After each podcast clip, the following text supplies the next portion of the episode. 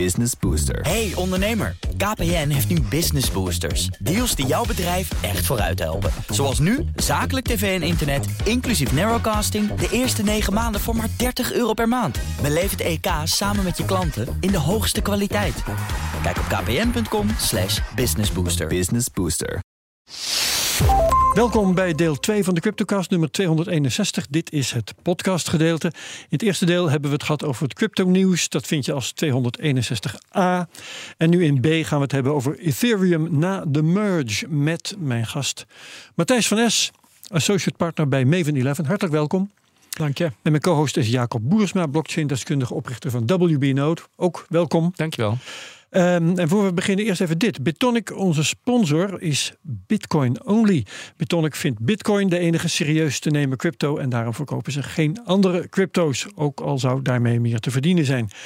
Respect daarvoor. Um, ook op de exchange BL3P van Bitonic kun je alleen handelen in Bitcoin.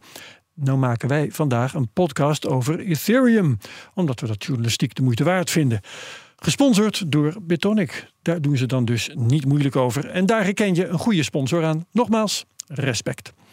En luister je graag naar de CryptoCast, vergeet dan niet je te abonneren. Dan ben je elke week direct op de hoogte van de nieuwste aflevering. Oké, okay. uh, Matthijs, je bent hier voor het eerst. Dus jij krijgt voor je kiezen onze traditionele openingsvraag. Hoe ben jij met crypto in aanraking gekomen? Um, dat was in 2016. Aha of eind 2015, weet ik niet meer precies. Um, ik studeerde economie aan de Universiteit van Tilburg en ik schreef een scriptie over blockchain in de accountancy. Ah. Um, ja, het is natuurlijk eigenlijk gewoon een grootboek. Dus ja, wat doen accountants? Grootboeken controleren. Um, dus dat leek me logisch. En toen was ik over aan het schrijven en toen dacht ik, waarom koop ik ook niet wat van die uh, etertjes waren het toen. Hm. Mm -hmm. En ja, dan zo rol je er dan in. Dan ga je kijken naar wat wordt daarop gebouwd. Uh, Augur was toen een ja, protocol wat populariteit kreeg. Ja. Um, dus daar besteed ik veel tijd aan. Toen kwam ik Maven 11 tegen en dacht ik, hey, als ik toch tijd aan aan besteden ben, waarom zou ik niet betaald krijgen terwijl ik dat doe? En zo ben ik eigenlijk ingerold. Uh, ja, ja, niet gek. um, en, en dat contact met Maven 11, hoe kwam dat tot stand? Uh, ik las een forumpost. Dit is natuurlijk heel, heel crypto-native. Uh, mm -hmm. Een forumpost van uh, Joost van der Plas, een van de oprichters van Maven 11. Um, en die zochten analisten omdat hun fonds aan het groeien was. Wat natuurlijk ja, gevolg was van ook een boelmarkt eigenlijk in 2017. Ja, ja, ja, ja. Uh, ja, dus ze zochten mensen om gewoon al die protocollen te analyseren. Ja. Um, en sinds ik, dat is misschien voor dit onderwerp ook relevant, sinds ik bij Maven zit, analyseer ik of hou ik ook wel de ontwikkeling binnen Ethereum vooral gaande. Dat is een positie van onze okay. fonds ook. Um, dus ik moet ja, volgen wat daar gebeurt, wat er speelt. Um, et cetera. Ja, dat is duidelijk. Oké, okay, um, we gaan het hebben over, Ethereum na de merge. Uh, de merge, hè, dat was de grote stap, de grote upgrade van proof of uh, work naar proof of stake. Um, ja, hoe is het gegaan sindsdien? Is er, uh, zijn er vorderingen te melden? Zijn er problemen te melden? Ja, de Ethereum blockchain draait gewoon zoals daarvoor. Dus dat is misschien ja. het hele saaie. Maar Geen ook, nieuws. Ja, dat is goed nieuws. Wel, ja, wel goed nieuws, ja. Ook het hele goede antwoord. Uh, als ja. ik hier had gezeten met allemaal dingen die fout waren Want het werd vergeleken uh, door Vitalik zelf, geloof ik, met uh, je bent een vliegtuig aan het vliegen en tijdens het vliegen ga je, wat is het, de motor of de, de motor vervangen. Ja, ja dat, dat was het wel. Um, er staat natuurlijk veel waarde op het spel. Uh, zeker toen ook nog. Ja, um, ja want de, marktkapitalisatie nu is uh, 200 miljard, heb ik nog even nagekeken. Als jij het zegt, dan uh, klopt dat sowieso. Ik kijk het nog even na, maar nee, ja, dus, maak je reactie even af. ja, sindsdien is er op de soort of chain niet heel veel gebeurd. Wat je wel ziet, is dat in soort of een beetje het Ethereum ecosysteem ja. Um, ergens in 2020 al uh, deelde Vitalik een, een blogpost met een roll-up centric roadmap. Hm. Dus heel lang heeft Ethereum geprobeerd om die ene blockchain maar te schalen. Uh, ja. Door allemaal verschillende technieken als sharding en nog allemaal interessant doenerij. Um, alleen ergens in 2020 werd duidelijk, oké, okay, dat gaat niet lukken op korte termijn. Dus we moeten gaan schalen door die roll-ups. Ja. Die we net ook al met uh, de base uh, chain van Coinbase bespraken. Um, en dat is wat je nu echt ziet. Dus afgelopen week. In het nieuwsgedeelte de 261a. Ja, ja, ja thanks. Ehm, dus afgelopen week waren er een aantal dagen waarop uh, Arbitrum, dat is een optimistic roll-up, net zoals die van Coinbase gaat worden, uh, meer gebruikers en transacties had dan Ethereum Layer 1, de, de base chain eigenlijk. Ja. Oh, wow, oké. Nu, uh, nu het woord gevallen is, wil ik eh, wel even wat duidelijker weten. Wat is een roll-up? Ja, dus bij een roll-up is, toen straks in de in nieuwsitem maakte je al de vergelijking met Lightning Network. het is een beetje gebaseerd op hetzelfde principe van we verlichten de druk op de, de, de layer 1 blockchain. Um, en we halen een deel van de executie van transacties of smart contracts halen we naar de chain, daar, ja, naar de chain daarboven. Ja. Um, en wat een roll-up dan is, is jij zou die hier op je computer kunnen draaien. Uh, daardoor kun je veel krachtiger maken dan als we met honderden nodes tegelijk moeten deelnemen. En eens in de zoveel tijd report jij terug aan uh, de Ethereum Layer 1. Ja. En daardoor is hij meer, meer, schaalbaar, maar nog wel veilig, want je rapporteert dus terug aan die echte hele decentrale blockchain. En terugrapporteren is echt vastleggen in, uh, in, een, in de blockchain dan, hè? Ja, ja dat, je hebt twee smaken rollups, Optimistic en ZK, maar de fraud proofs heet dat. En dan post je eigenlijk een stukje bewijs. En mocht er dan op die Optimistic rollup iets gedaan zijn wat ik als gebruiker niet heb gedaan, dus bijvoorbeeld een dubbel spend, dan kan mm -hmm. ik dat uh, ja, aandienen als bewijs van hey, hier is vals gespeeld. Ja. Um, en dan kan ik mij gelijk halen en mijn assets terugkrijgen. Ja, voordat we verder gaan over die roll-ups wil ik nog even vaststellen dat het eigenlijk met de, met de koers van, van de ether hè, dan, uh, best lekker gaat. Uh, op het moment dat ik uh, nu de koers opvraag staat hij op 1627,5 dollar. Uh, en ja, ik weet niet over hoeveel maanden, want uh, nou, daar kan ik misschien ook nog even naar kijken. Maar uh, over een half jaar of zoiets is dat volgens mij de hoogste, is de hoogste koers 1700 geweest. Staat hij eigenlijk vlak onder. Um, en, en dat gaat eigenlijk zelfs nog beter dan Bitcoin, als ik me niet vergis. Wat is de, wat is de achtergrond daarvan? Is, is, heeft dit te maken met dat het technologisch met Ethereum heel goed gaat? Of is dit puur op de golven van het, het sociaal-economische sentiment van dit moment? Ja, de, de, op een wekelijkse basis weet ik dat gewoon echt niet. Zit altijd ook een soort speculatieve premium ja. op. Ja. Maar op een fundamenteel gebied heeft Ethereum natuurlijk in 2021 um, dat mechanisme geïntroduceerd dat een als het netwerk veel gebruikt wordt, wordt een deel van de ether verbrand. Um, per transactie ja. wordt een zekere hoeveelheid uh, ether, een deel van de, van de fee wordt, wordt verbrand. Ja, ja. Waar dus die het is nu deflationair eigenlijk. Hè? Ja, als er veel gebruik is wel. En andersom ook, als er weinig gebruik is, is, uh, is er inflatie. Waardoor het weer goedkoper zou moeten worden om het te gebruiken. Dus er is een heel Ah. mooi soort marktmechanisme. Waardoor het gebruik van de chain, dus als er veel adoptie is en veel gebeurt op die uh, op die layer 1 van Ethereum, um, zie je dat ook terug in het aanbod van Ether. En als de vraag dan gelijk blijft, ook in de prijs. Dus het is een beetje zoals de difficulty adjustment, uh, uh, maar dan echt op, de, op, de, op het aanbod van de, van de token zelf. Ja, ja, daar komt eigenlijk wel neer. Ja, interessant. Cool. Um, Rollups hadden we het over. Um, daar blijken nog verschillende soorten in te zijn ook. Ik heb ja. uh, hier staan optimistic rollups, zero knowledge rollups. Um, Kun je daar iets over vertellen wat dat onderscheid is? Ja, om het heel simpel te houden. Ik zal wat technisch uh, afsnijwerkjes nemen. Maar ja. um, een optimistic roll-up is eigenlijk een beetje zoals ons uh, rechtssysteem. Je neemt aan dat iemand onschuldig is totdat tegendeel bewezen is. Mm -hmm. um, en dus moet je die ja, fraud proofs posten op de Ethereum L1. En die kan ik dan gebruiken om te bewijzen dat, dat er iets niet goed gegaan is. Ja, dus je vertrouwt eigenlijk uh, degene die, uh, die die code uitvoert. Ja. Zonder dat je hem uh, eigenlijk van tevoren helemaal controleert. Maar ja. je kunt achteraf, krijg je eigenlijk het bonnetje... waarmee je kunt checken of het inderdaad wel allemaal optelt tot het juiste bedrag. Ja, precies dat. Ja. Is dat ook de, de, achtergrond van de benaming optimistic? Of, ja, het is, ja, ja, ja, dus je, ja, neemt opti- ja, je neemt eigenlijk heel optimistisch aan van het klopt. En ik krijg bewijs dat ik kan bewijzen als het niet klopt. Oké, okay, interessant. En uh, zero knowledge, wat is daar ja, de dat werkt andersom. Uh, daar Aha, moet dus okay. degene die de transacties samenbundelt en de smart contracts uitvoert, bewijs posten dat hij dat correct gedaan heeft. Um, en die zijn nog wel iets verder weg. Dus uh, om het op praktisch te maken, de optimistic rollups zijn nu live, hebben heel veel gebruikers en ook wel echt grote ecosystemen met allemaal soort applicaties erop. Ja. Dat zijn vooral Optimism en Arbitrum. En ik denk ook dat dat de reden is dat Coinbase met een optimistic roll-up is gegaan. Want dat is er gewoon. Um, zero knowledge rollups, dan kun je denken aan ZK Sync, Starknet en Scrolltag.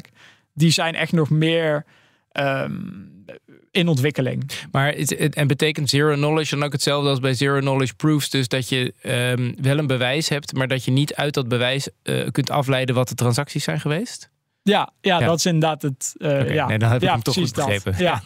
ja, en jij noemt wat Coinbase heeft gedaan. Uh, dat is voor, voor de mensen die ons A-deel niet hebben gehoord. Uh, Coinbase is een eigen blockchain begonnen, Base. Ja. Die bedoeld is om decentrale apps op te ontwikkelen. Dus Coinbase is ja. ook in dit spel betrokken.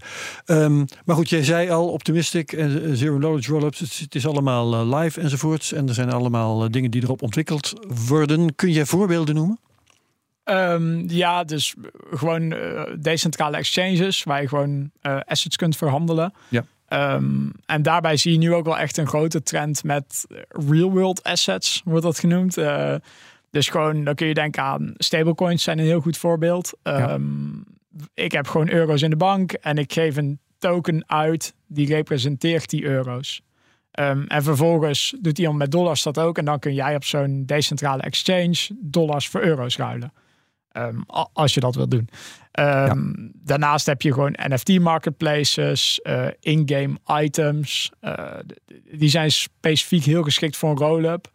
Um, omdat... Ja, omdat, omdat die game-omgeving natuurlijk eigenlijk al per definitie een besloten omgeving is ja, van alleen precies. de gebruikers van die game. Ja, ja, ja ik, ik, heb zelf ook uh, Call of Duty en FIFA gespeeld. Ik heb nog nooit gehad dat ik dacht, ook oh, wil een item uit FIFA ruilen met een item in Call of Duty Nee. of zo. Dus je kunt heel erg beperkt blijven in die ene uh, game. Um, en daarom zijn die uitermate geschikt. Um, ja, Ja. NFT marketplaces. Uh, ja, je hebt heel veel applicaties. Sommige doen het veel beter dan andere. Ja.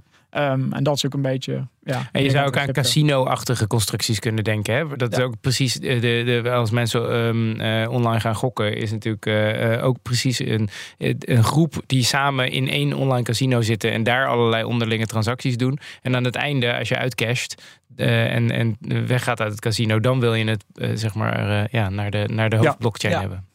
Oké, ehm, zoals je ook in ons A-gedeelte hebt uitgelegd, het, is, het gaat over eh, schaalbaarheid.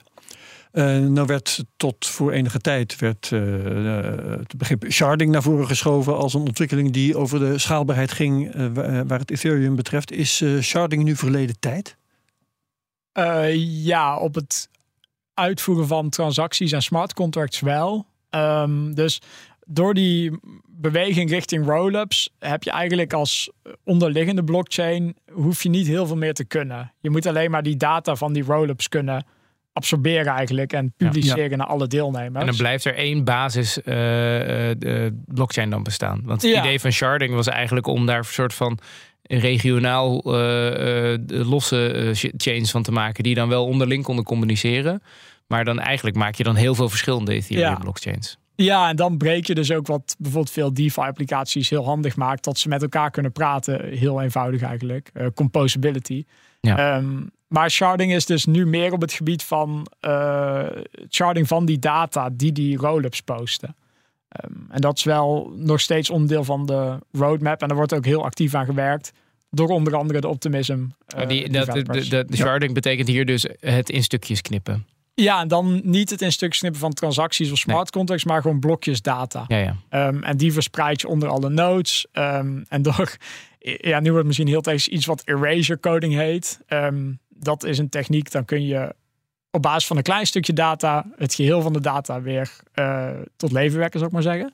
Het wordt ook gebruikt ja. op CD-ROMs. Uh, als er een kras op zit, kun je er nog naar luisteren. Foutcorrectie. Ja, error ja. correction. Ja, en um, dat doen ze dan ook met die stukjes data. Dus dan kun jij een tiende van een uh, Ethereum-blok ontvangen. Alleen op, ba op, basis van dat stukje data zou je, als je wilt, hele blok kunnen reconstrueren. En daardoor wordt het ja. veel efficiënter en schaalbaarder. Ja, dat kan ik me wel voorstellen. Ja. Uh, is uh, zoiets als roll-ups, is het dan ook nog relevant voor jouw werk als, uh, als investeerder bij Maven 11? Ja, dat is zeker. wij zijn eigenlijk sinds 2019 wel, geloven wij, sterk in deze manier van schalen. Um, dus wat je nu eigenlijk pas ziet. Uh, dus modular heet dat ook wel. Dat je, je breekt een blockchain op in verschillende modules. En elke module optimaliseert voor wat hun kerntaak is. Um, en dat kun je natuurlijk vergelijken met de economische ontwikkeling waar je gewoon specialisatie ziet steeds verder. Ja. Ehm, en daar geloven wij in, daar investeren we ook in. Dus wij investeren ook in verschillende roll-ups. ehm, en ook in van die data layers. eh, Celestia is een zo'n project. Hm. Ehm, die bouwen een blockchain met alleen maar data. Dus daar kun je eigenlijk geen transacties op doen. Ze hebben alleen maar een netwerk waar roll-ups data op kunnen dumpen eigenlijk. En ja, het maakt zowel niet uit wat dat is. Je kunt het eigenlijk wel vergelijken met bijvoorbeeld de ordinals op Bitcoin. Ehm, waar gewoon plaatjes op de Bitcoin blockchain worden gepost nu. Hm. En nodes accepteren het, want ze krijgen gewoon betaald ervoor. Oké. ehm, ja, ehm, is, er, is er in de community op dit moment eh, consensus over de rol van, eh, van de ether als, als token? Eh, ja, dat, jawel. Alhoewel je dus wel heel veel ziet dat eh, bijvoorbeeld stablecoins hebben de afgelopen twee, drie jaar een enorme adoptie doorgemaakt. Ehm, dus je blijft wel zien dat veel mensen ook gewoon de dollar of de euro als een soort unit of account willen. Mhm. Ehm, en ik denk dat dat niet heel snel gaat veranderen. Ja, terwijl op zich maakt, maken dit soort eh, ontwikkelingen eh, het natuurlijk steeds makkelijker om allerlei eigen tokens op eh, Ethereum eh, te bouwen. Hè? Dus dan, dan eh, is het niet dat uiteindelijk dan ehm, eh, de, de Ether echt verwoordt tot alleen maar eh, eh, de, de munt waarin je je gas fees eh, betaalt. Of, eh, ja, dat, denk ik wel. En hoe, hoe ik het vaak zie is, Ether geeft je gewoon het, het recht om in de toekomst eh, resources van het netwerk te gebruiken. En dus als jouw verwachting Ja. is dat in de toekomst het netwerk veel gebruikt wordt en dus het gebruik daarvan meer waard gaat worden, dan is het slim om Ether te bezitten. Ja, maar, maar heel veel van de toepassingen, ehm, eh, je noemde ook al stablecoins en dergelijke, zijn dus eigenlijk andersoortige tokens die niet een, eh, die op, eigenlijk geen relatie hebben tot, eh, tot Ether.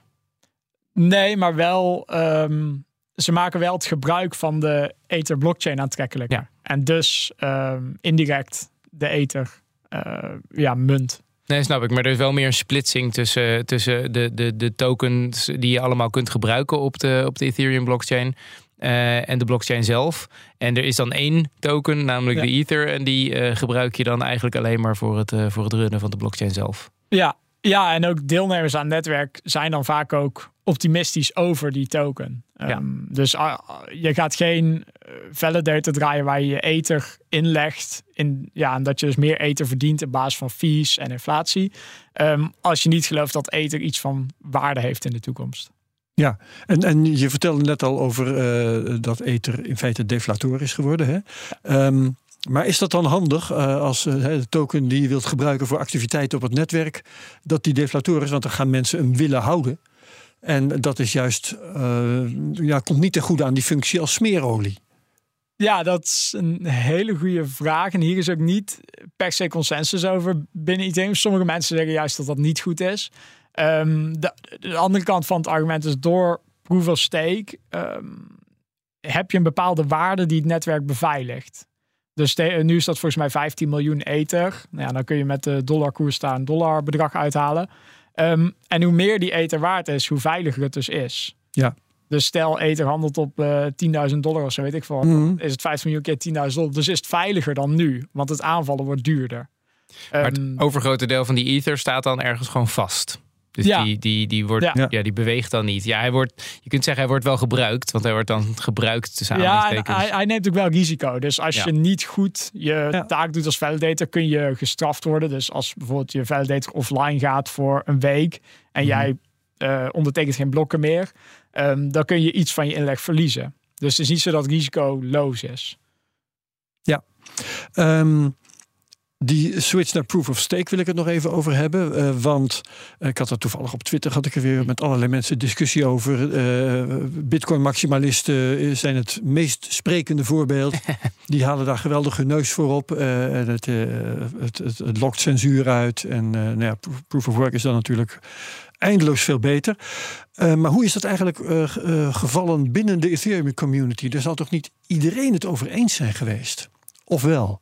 Ja, eigenlijk wel. Eh, eh, vast niet iedereen, maar er was heel kort eh, sprake van een Eve Proof of Work eh, fork. Ja, ja, ja, precies. Ja. Ja, Ja, maar die, die is zo minimaal en daar is geen gebruik op. Het, ja, ik denk Nee. dat dat niet eens een naam mag hebben. Nee, er die werd had ook niet een... veel work gedaan aan de. Nee, nee, dat is een mooie.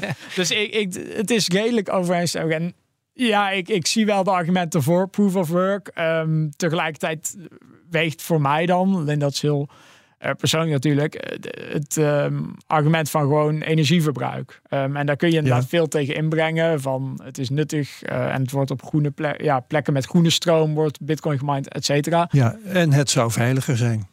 Ja, um... ja want het, de, de, veel van die argumenten zijn van ja, het gebruikt wel energie, maar uh, de, de, de, groene energie, of maar je kunt het ook inzetten voor, uh, voor netbalancing, et cetera. Maar dat is eigenlijk alweer, dan, dan, dan ben je al vanuit het negatieve aan het uh, terugredeneren.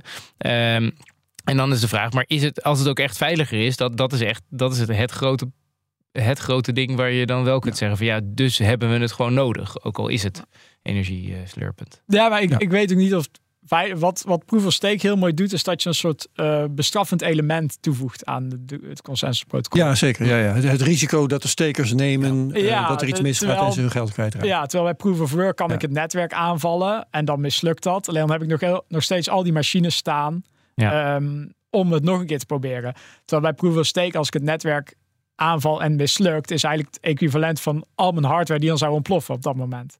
Um, en dat is waarom ik denk dat Proof of Stake fundamenteel ook veiliger is. Um, omdat er dus een soort bestraffend element in zit. En niet alleen ja. de opportunity cost. Ja, je, je zou kunnen zeggen, het beschermt tegen andere soortige aanvallen. Misschien. Ja. Uh, want de, de, de, zoals ik het ook wel eens geformuleerd heb gezien, van nou ja, de um, proof of stake beschermt eigenlijk tegen aanvallen die binnen uh, de, de, de, het, het systeem van, uh, van wat je aan het beschermen bent plaatsvinden. Dus iemand gaat inderdaad tegen de regels in en verliest dan iets wat ook alleen maar waarde heeft eigenlijk binnen dat systeem, namelijk ja. zijn stake. En proof of uh, work. Daarmee uh, bescherm je eigenlijk op basis van gewoon de fysieke eigenschappen van fysieke hardware die ergens staat. Um, en en dat is dat. Ja, dan, dan ben je eigenlijk onafhankelijk van of mensen zich aan de regels binnen het protocol houden.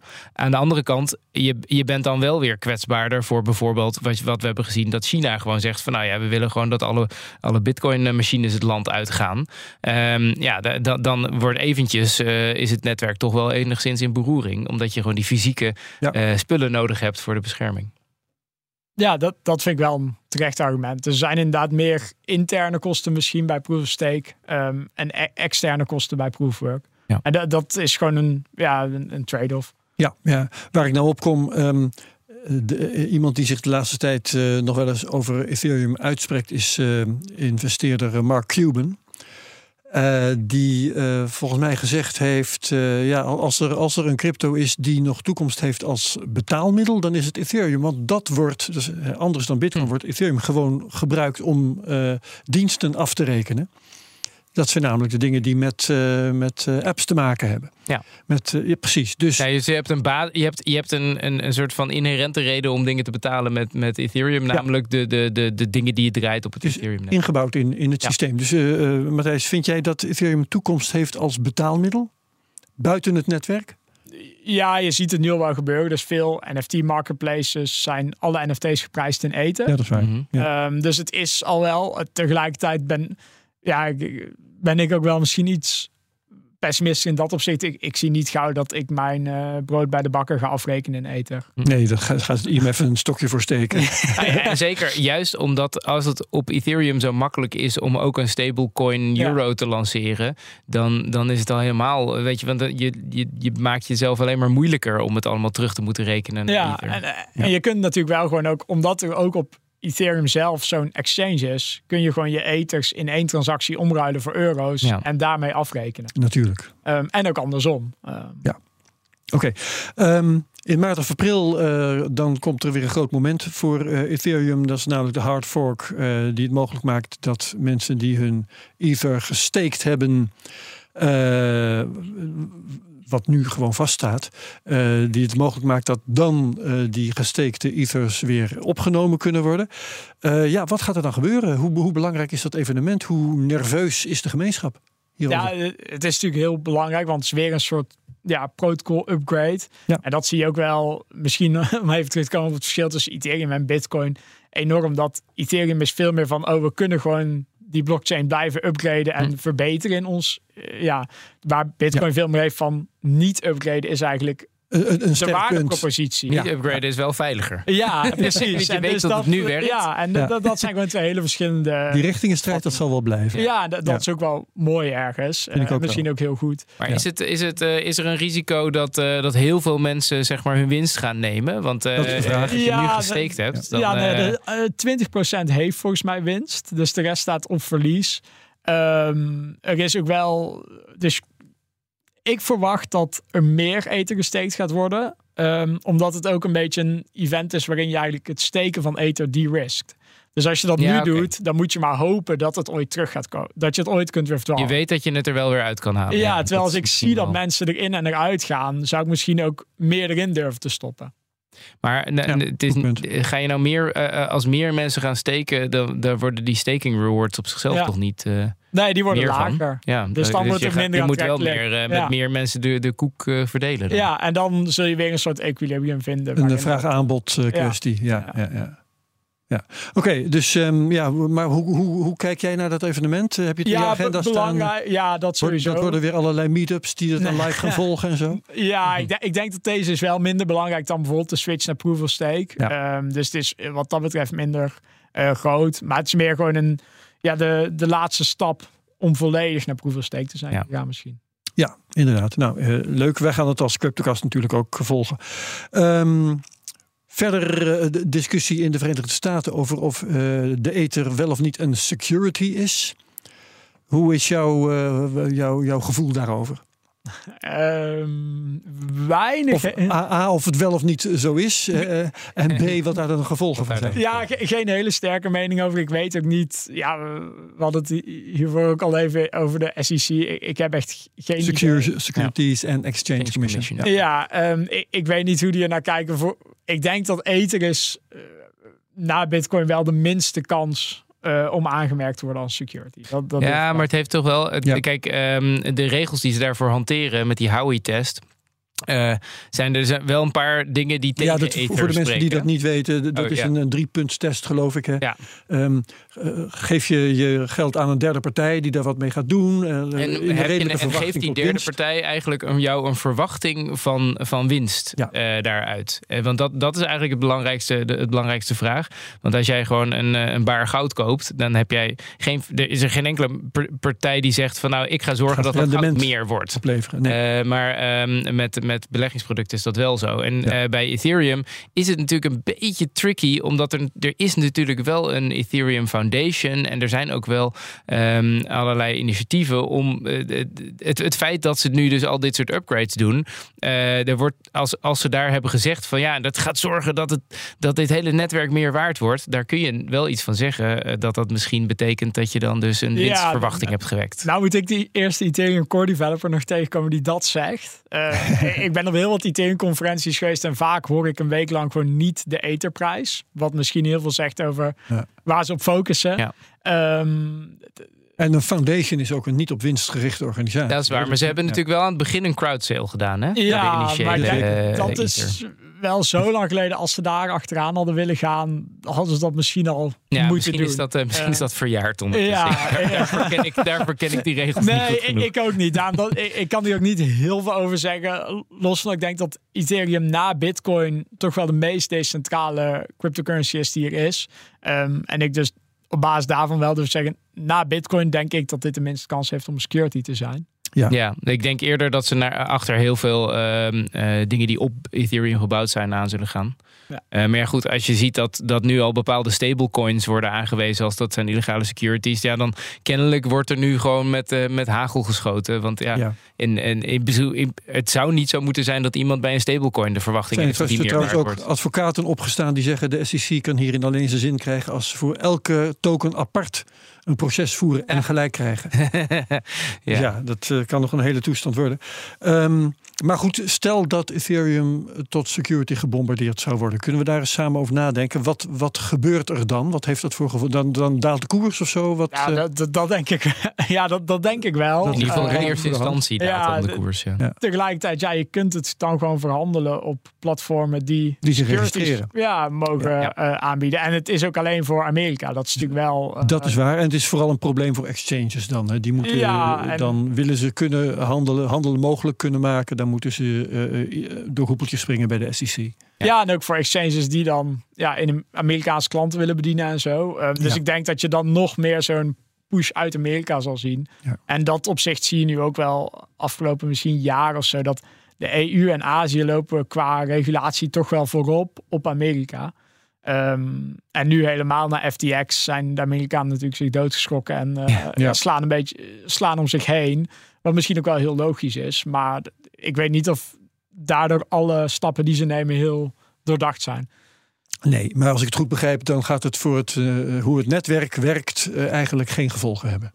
Nee, misschien dat er mensen zijn die in Amerika een validator runnen thuis. En dat ze dat dan niet meer mogen doen, want dan ontvangen ze security als beloning daarvoor. Ja, uh, Maar ik, ik weet niet hoe, hoe dat één handhaven is en twee hoeveel mensen dat dan zijn.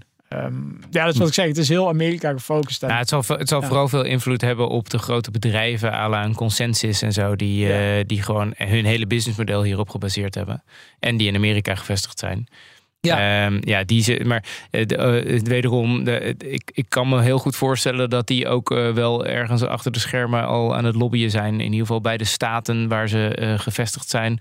Om, om daar alvast wat, ja, wat, wat, wat, wat, uitspraken ja, die, te ontlokken. Ja, die zullen het sowieso op de voet volgen. En wat ook veel van die bedrijven doen, is gewoon code publiceren. En ja, op het moment dat dat ja, de, niet meer kan, um, ja, dan denk ik dat die bedrijven wel wat grote problemen hebben. Ja, ja.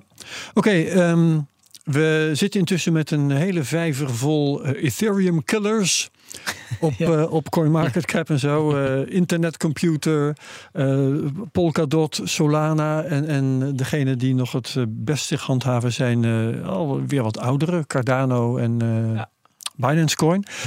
-huh. um, ja, wat is voor jou op dit moment de belangrijkste concurrent? Van Ethereum? Ja, ik, ja, ik weet niet of concurrent het goede woord is. Uh, maar gewoon een ander ecosysteem is waar ik heel enthousiast over ben, is wel gewoon Cosmos. En dan niet okay. per se de coin van Cosmos, uh, de Atom. Daar weet ik niet of ik daar mega optimistisch over ben of niet. Um, maar meer gewoon de developers die ik daar naartoe zie gaan, zijn één, ongelooflijk getalenteerd. En twee, bouwen ook door markten waarin de prijs naar beneden gaat gewoon door. Dus je ziet bij Cosmos ah, echt nog veel ja. meer developers nu erin komen. Waar ja. misschien bij andere chains en Solana zie je ze nu juist allemaal terugtrekken. Ja, maar die hebben ook wat problemen de, gehad. De ja, die, recent ook nog. Solana is uh, vallen en opstaan. Ja. ja, en dan ja, vallen, 20 uur blijven liggen en dan opstaan. Ja, ja precies. En dat, dat, is wel, kijk, eh, een voor wie het niet weet, de blockchain ja. van Solana heeft even stilgestaan. Niet voor het eerst, maar kort geleden. Nee, precies. En, en dat is wel, kijk, een van de, van de unique selling points van blockchain-netwerken is juist dat je zegt van nou, het is een peer-to-peer -peer netwerk. Dus het kan eigenlijk, er is geen uh, mogelijkheid om het helemaal uit de lucht te halen. De, de, de, het moet eigenlijk altijd door blijven draaien, ook als bepaalde computers uitvallen. En ja. als, als het dus op een of andere manier het protocol zelf vastloopt, ja, dan, uh, dan heb je dus wel echt een, uh, een heel grote ja. vertrouwensissue met je blockchain. Ja, dit, ja, helemaal mee eens. Het is gewoon de unieke waardepropositie. Het is er altijd en het zal altijd draaien. En ja, als dat er niet is, dan kun je je afvragen waarom bouw het überhaupt. Wat, wat, wat, doe je dan nog? Ja, waarom ja, zijn we dan niet gewoon uh, weer uh, terug naar een centrale database? Ja, gewoon een Excel-sheetje waarin we bijhouden wie wat bezit. Ja. Uh, maar nee, Cosmos, denk ik, wat je dus, wat vorig jaar echt een hele grote ontwikkeling was, um, DYDX, een grote derivatenbeurs, misschien wel de applicatie met bijna de meeste tractie na een Uniswap en OpenSea bijvoorbeeld. Um, zij bouwden eerst op een Ethereum Layer 2, op een roll-up, uh, waar we het eerder over hadden. Um, en die gaan nu de stap maken naar een um, Cosmos gebaseerde appchain. En wat dat inhoudt, ze lanceren hun eigen blockchain en kunnen daardoor ook hun eigen uh, keuzes maken in het ontwerp daarvan. Dus als je op Ethereum gaat bouwen, dan moet je hoe dan ook meegaan met bepaalde keuzes die de Ethereum developers hebben gemaakt. Mm -hmm. Dus je betaalt x gas voor mm -hmm. dit smart contract. En die worden gesteld op een soort protocolniveau. En met een appchain zou je dat zelf kunnen beslissen. Dus je zou kunnen zeggen, ook oh, wil die interactie op die computer wil ik goedkoper maken en die duurder, want ik verwacht dat mijn users dat meer gaan doen. Ehm, en daarom ben ik wel optimistisch over Cosmos. Je ziet mhm. gewoon talentvolle bouwers en grote projecten die daar heel erg naar kijken um, en mee bezig zijn. En is nou ook het idee, uh, omdat het allemaal natuurlijk open source is voor het overgrote deel. Stel dat er uh, dat Cosmos nou echt iets uh, een briljante zet doet, dan zou je in theorie zou Ethereum dat ook natuurlijk gewoon over kunnen nemen. Ja, zeker. Toch, toch vergelijk ik het vaak, daarom ook dat de concurrenten niet helemaal het juiste woord mm -hmm. straks. Ik vergelijk het vaak ook een beetje met een gemeenschap. Uh, je, je, hebt ook gewoon een soort inherente verschillen soms. Weet je wel, je hebt Ajax-supporters en PSV-supporters. Die zullen niet per se met elkaar uh, hoeven samen te werken of dingen te kopiëren van elkaar. Terwijl ze kunnen ook gewoon goed naast elkaar bestaan. Ja, het is ook een soort uiteindelijk is het een soort evolutie. Hè? Dus uh, iedereen uh, zoekt zijn eigen niche. Uh, ja. Waar je juist niet met elkaar hoeft te concurreren, maar specifiek op een bepaalde toepassing kunt richten. Ja, en gewoon hoe je wereldbeeld een beetje is. Dus ook met die Bitcoin en Ethereum toen straks. Bitcoin zien gewoon van oké, weinig upgrades is heel erg goed. Ja. En Ethereum mensen kijken daar echt heel erg anders tegenaan. En het is prima dat die niet per se verenigen of met elkaar concurreren. Alhoewel er nu dus ook op Bitcoin uh, eh, NFT's ja. Uh, mogelijk zijn. Uh, mag ik denk ik geen NFT's noemen. Ik denk dat dat Bitcoiners dan heel boos Hoe heet het ook weer? Inscriptions? ja, dus de inscriptions, ja. ja. We hadden het er vorige week over hier. Ja, dus okay. dan zie je toch dat Bitcoin toch stiekem wel af en toe iets, in ieder geval conceptueels overneemt. Ja, ja, ja, maar, maar, over het overnemen, dat is inderdaad is open source. Dus die Coinbase chain die nu gelanceerd gaat worden, is gewoon een kopie van de Optimism Layer 2. Um, ja, dat, dat kan en dat mag. En dat is denk ik ook alleen maar goed. Ja, maar uh, als ik jou goed begrijp, dan zie jij dus Ethereum niet zomaar even gekild worden. Eerder dat uh, als er ergens iets goed verschijnt, dat het uh, ook op, uiteindelijk op Ethereum verschijnt. Ja, en dat wordt alleen maar makkelijker door die roll-ups. Dus je komt gewoon, als je een, nou de Solana Virtual Machine, dus de machine die applicaties draait op Solana, die is wel echt goed. Je, je kunt misschien beargumenteren dat die beter is dan de Ethereum Virtual Machine, yep. waar Ethereum applicaties hmm. op draaien. En als je nu als developer zegt, hey, ik wil de Solana Virtual Machine gebruiken, maar wel op Ethereum bouwen, dan kun je dat gewoon als een roll-up lanceren. En dat is het mooie aan die roll-ups. Ze geven heel veel flexibiliteit en keuzevrijheid, los van de schaalbaarheid, aan developers. Um, dus ik verwacht inderdaad dat er meer naar Ethereum gaat komen uh, van dat soort innovaties van andere Interessant. Uh, blockchains. Precies. Oké, okay, um, bij Maven 11 zitten jullie uh, in Cosmos, maar ook op allerlei manieren in, in Ethereum. is ja. dat verstandig beleid of is dat tegenstrijdig? Nee, ik denk dat dat gewoon verstandig beleid is. Dat dacht ik wel, maar, dat je dat zou ja, zeggen. Ja. uh, nee, ja, de, de, wij besteden denk ik het grootste deel van onze tijd in Ethereum. Um, daarnaast zijn we ook heel veel bezig met uh, Celestia en een beetje het modular ecosysteem. Dat zijn dus al die rollups, uh, ZK rollups, optimistic rollups, noem het allemaal op. Um, en ook veel met inderdaad Cosmos. Um, dus als je ervan uitgaat dat er heel veel rollups komen kun je een soort second order effect denken. Oh, dan moeten er ook veel bruggen zijn tussen die roll-ups. Mm -hmm. Ze willen allemaal met elkaar communiceren. Dus dan gaan wij op zoek naar een project wat dat bouwt om dat te financieren. Ja. Um, als jij naar de toekomst kijkt. Ik weet niet hoe ver ik. Uh, ja, ik durf, durf bijna niet te zeggen vijf jaar. Misschien moet ik ja. zeggen drie jaar. Uh, maar iets in die buurt. Waar staan we dan? Hoe ziet het uh, Ethereum uh, en gebied, hè, ook de concurrenten daaromheen, hoe, hoe ziet dat landschap er dan uit?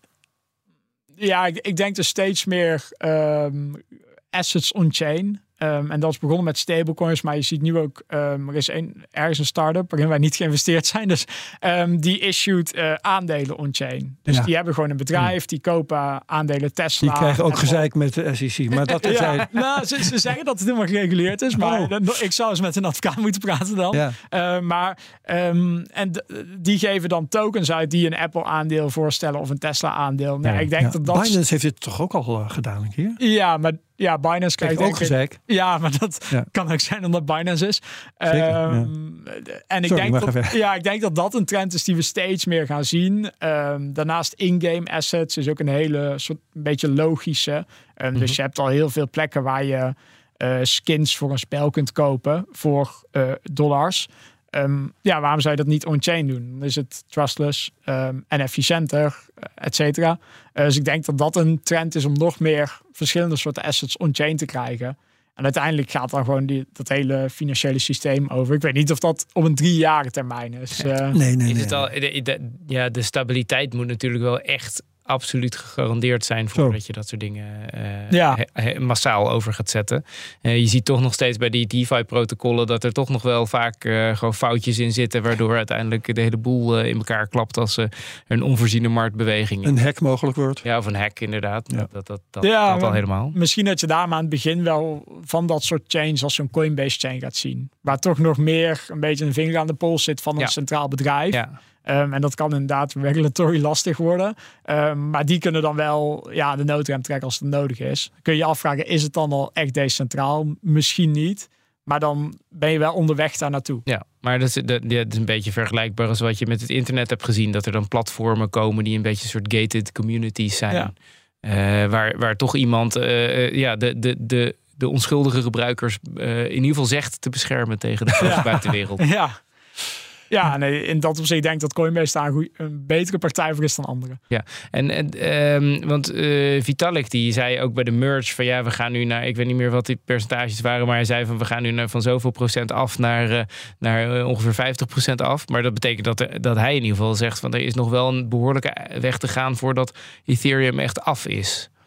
Ja, ik, denk, volgens mij twee weken terug schreef Danny Ryan, een, een van de grotere core developers binnen Ethereum, ook loopt al lang rond.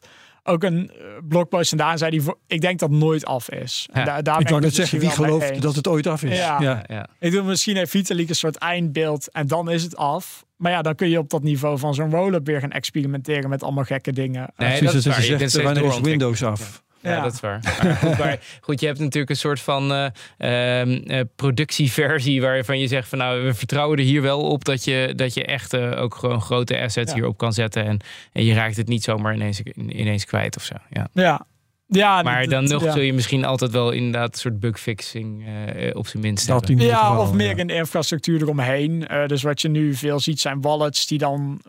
eh, ja, daar hoef je niet meer 24 woorden op te schrijven om een wallet aan te maken. Ehm, en zijn wel non-custodial. Dus misschien dat je daar wel veel grotere stappen in gaat zien.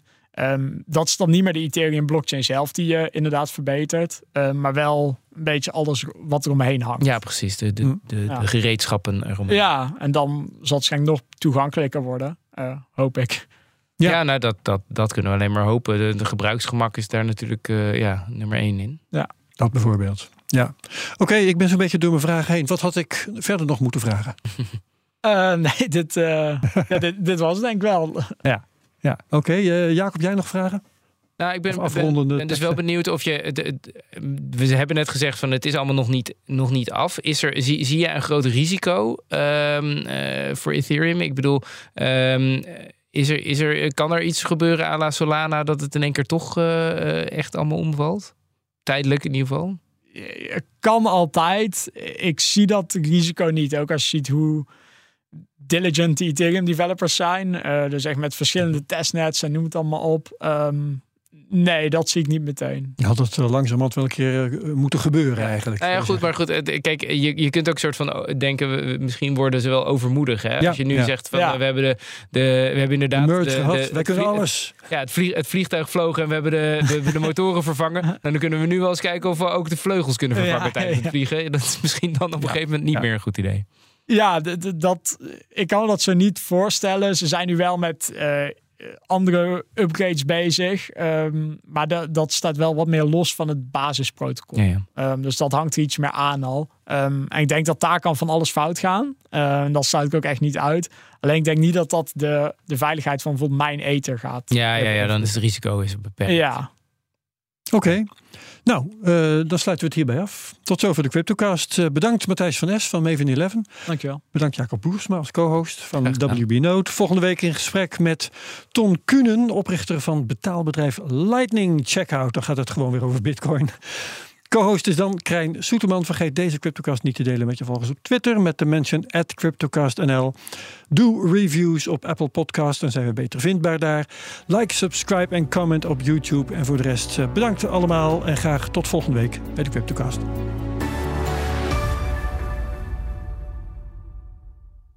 Business Booster. Hey ondernemer, KPN heeft nu Business Boosters. Deals die jouw bedrijf echt vooruit helpen. Zoals nu, zakelijk tv en internet, inclusief narrowcasting... de eerste 9 maanden voor maar 30 euro per maand. Beleef het EK samen met je klanten in de hoogste kwaliteit. Kijk op kpn.com slash businessbooster. Business Booster.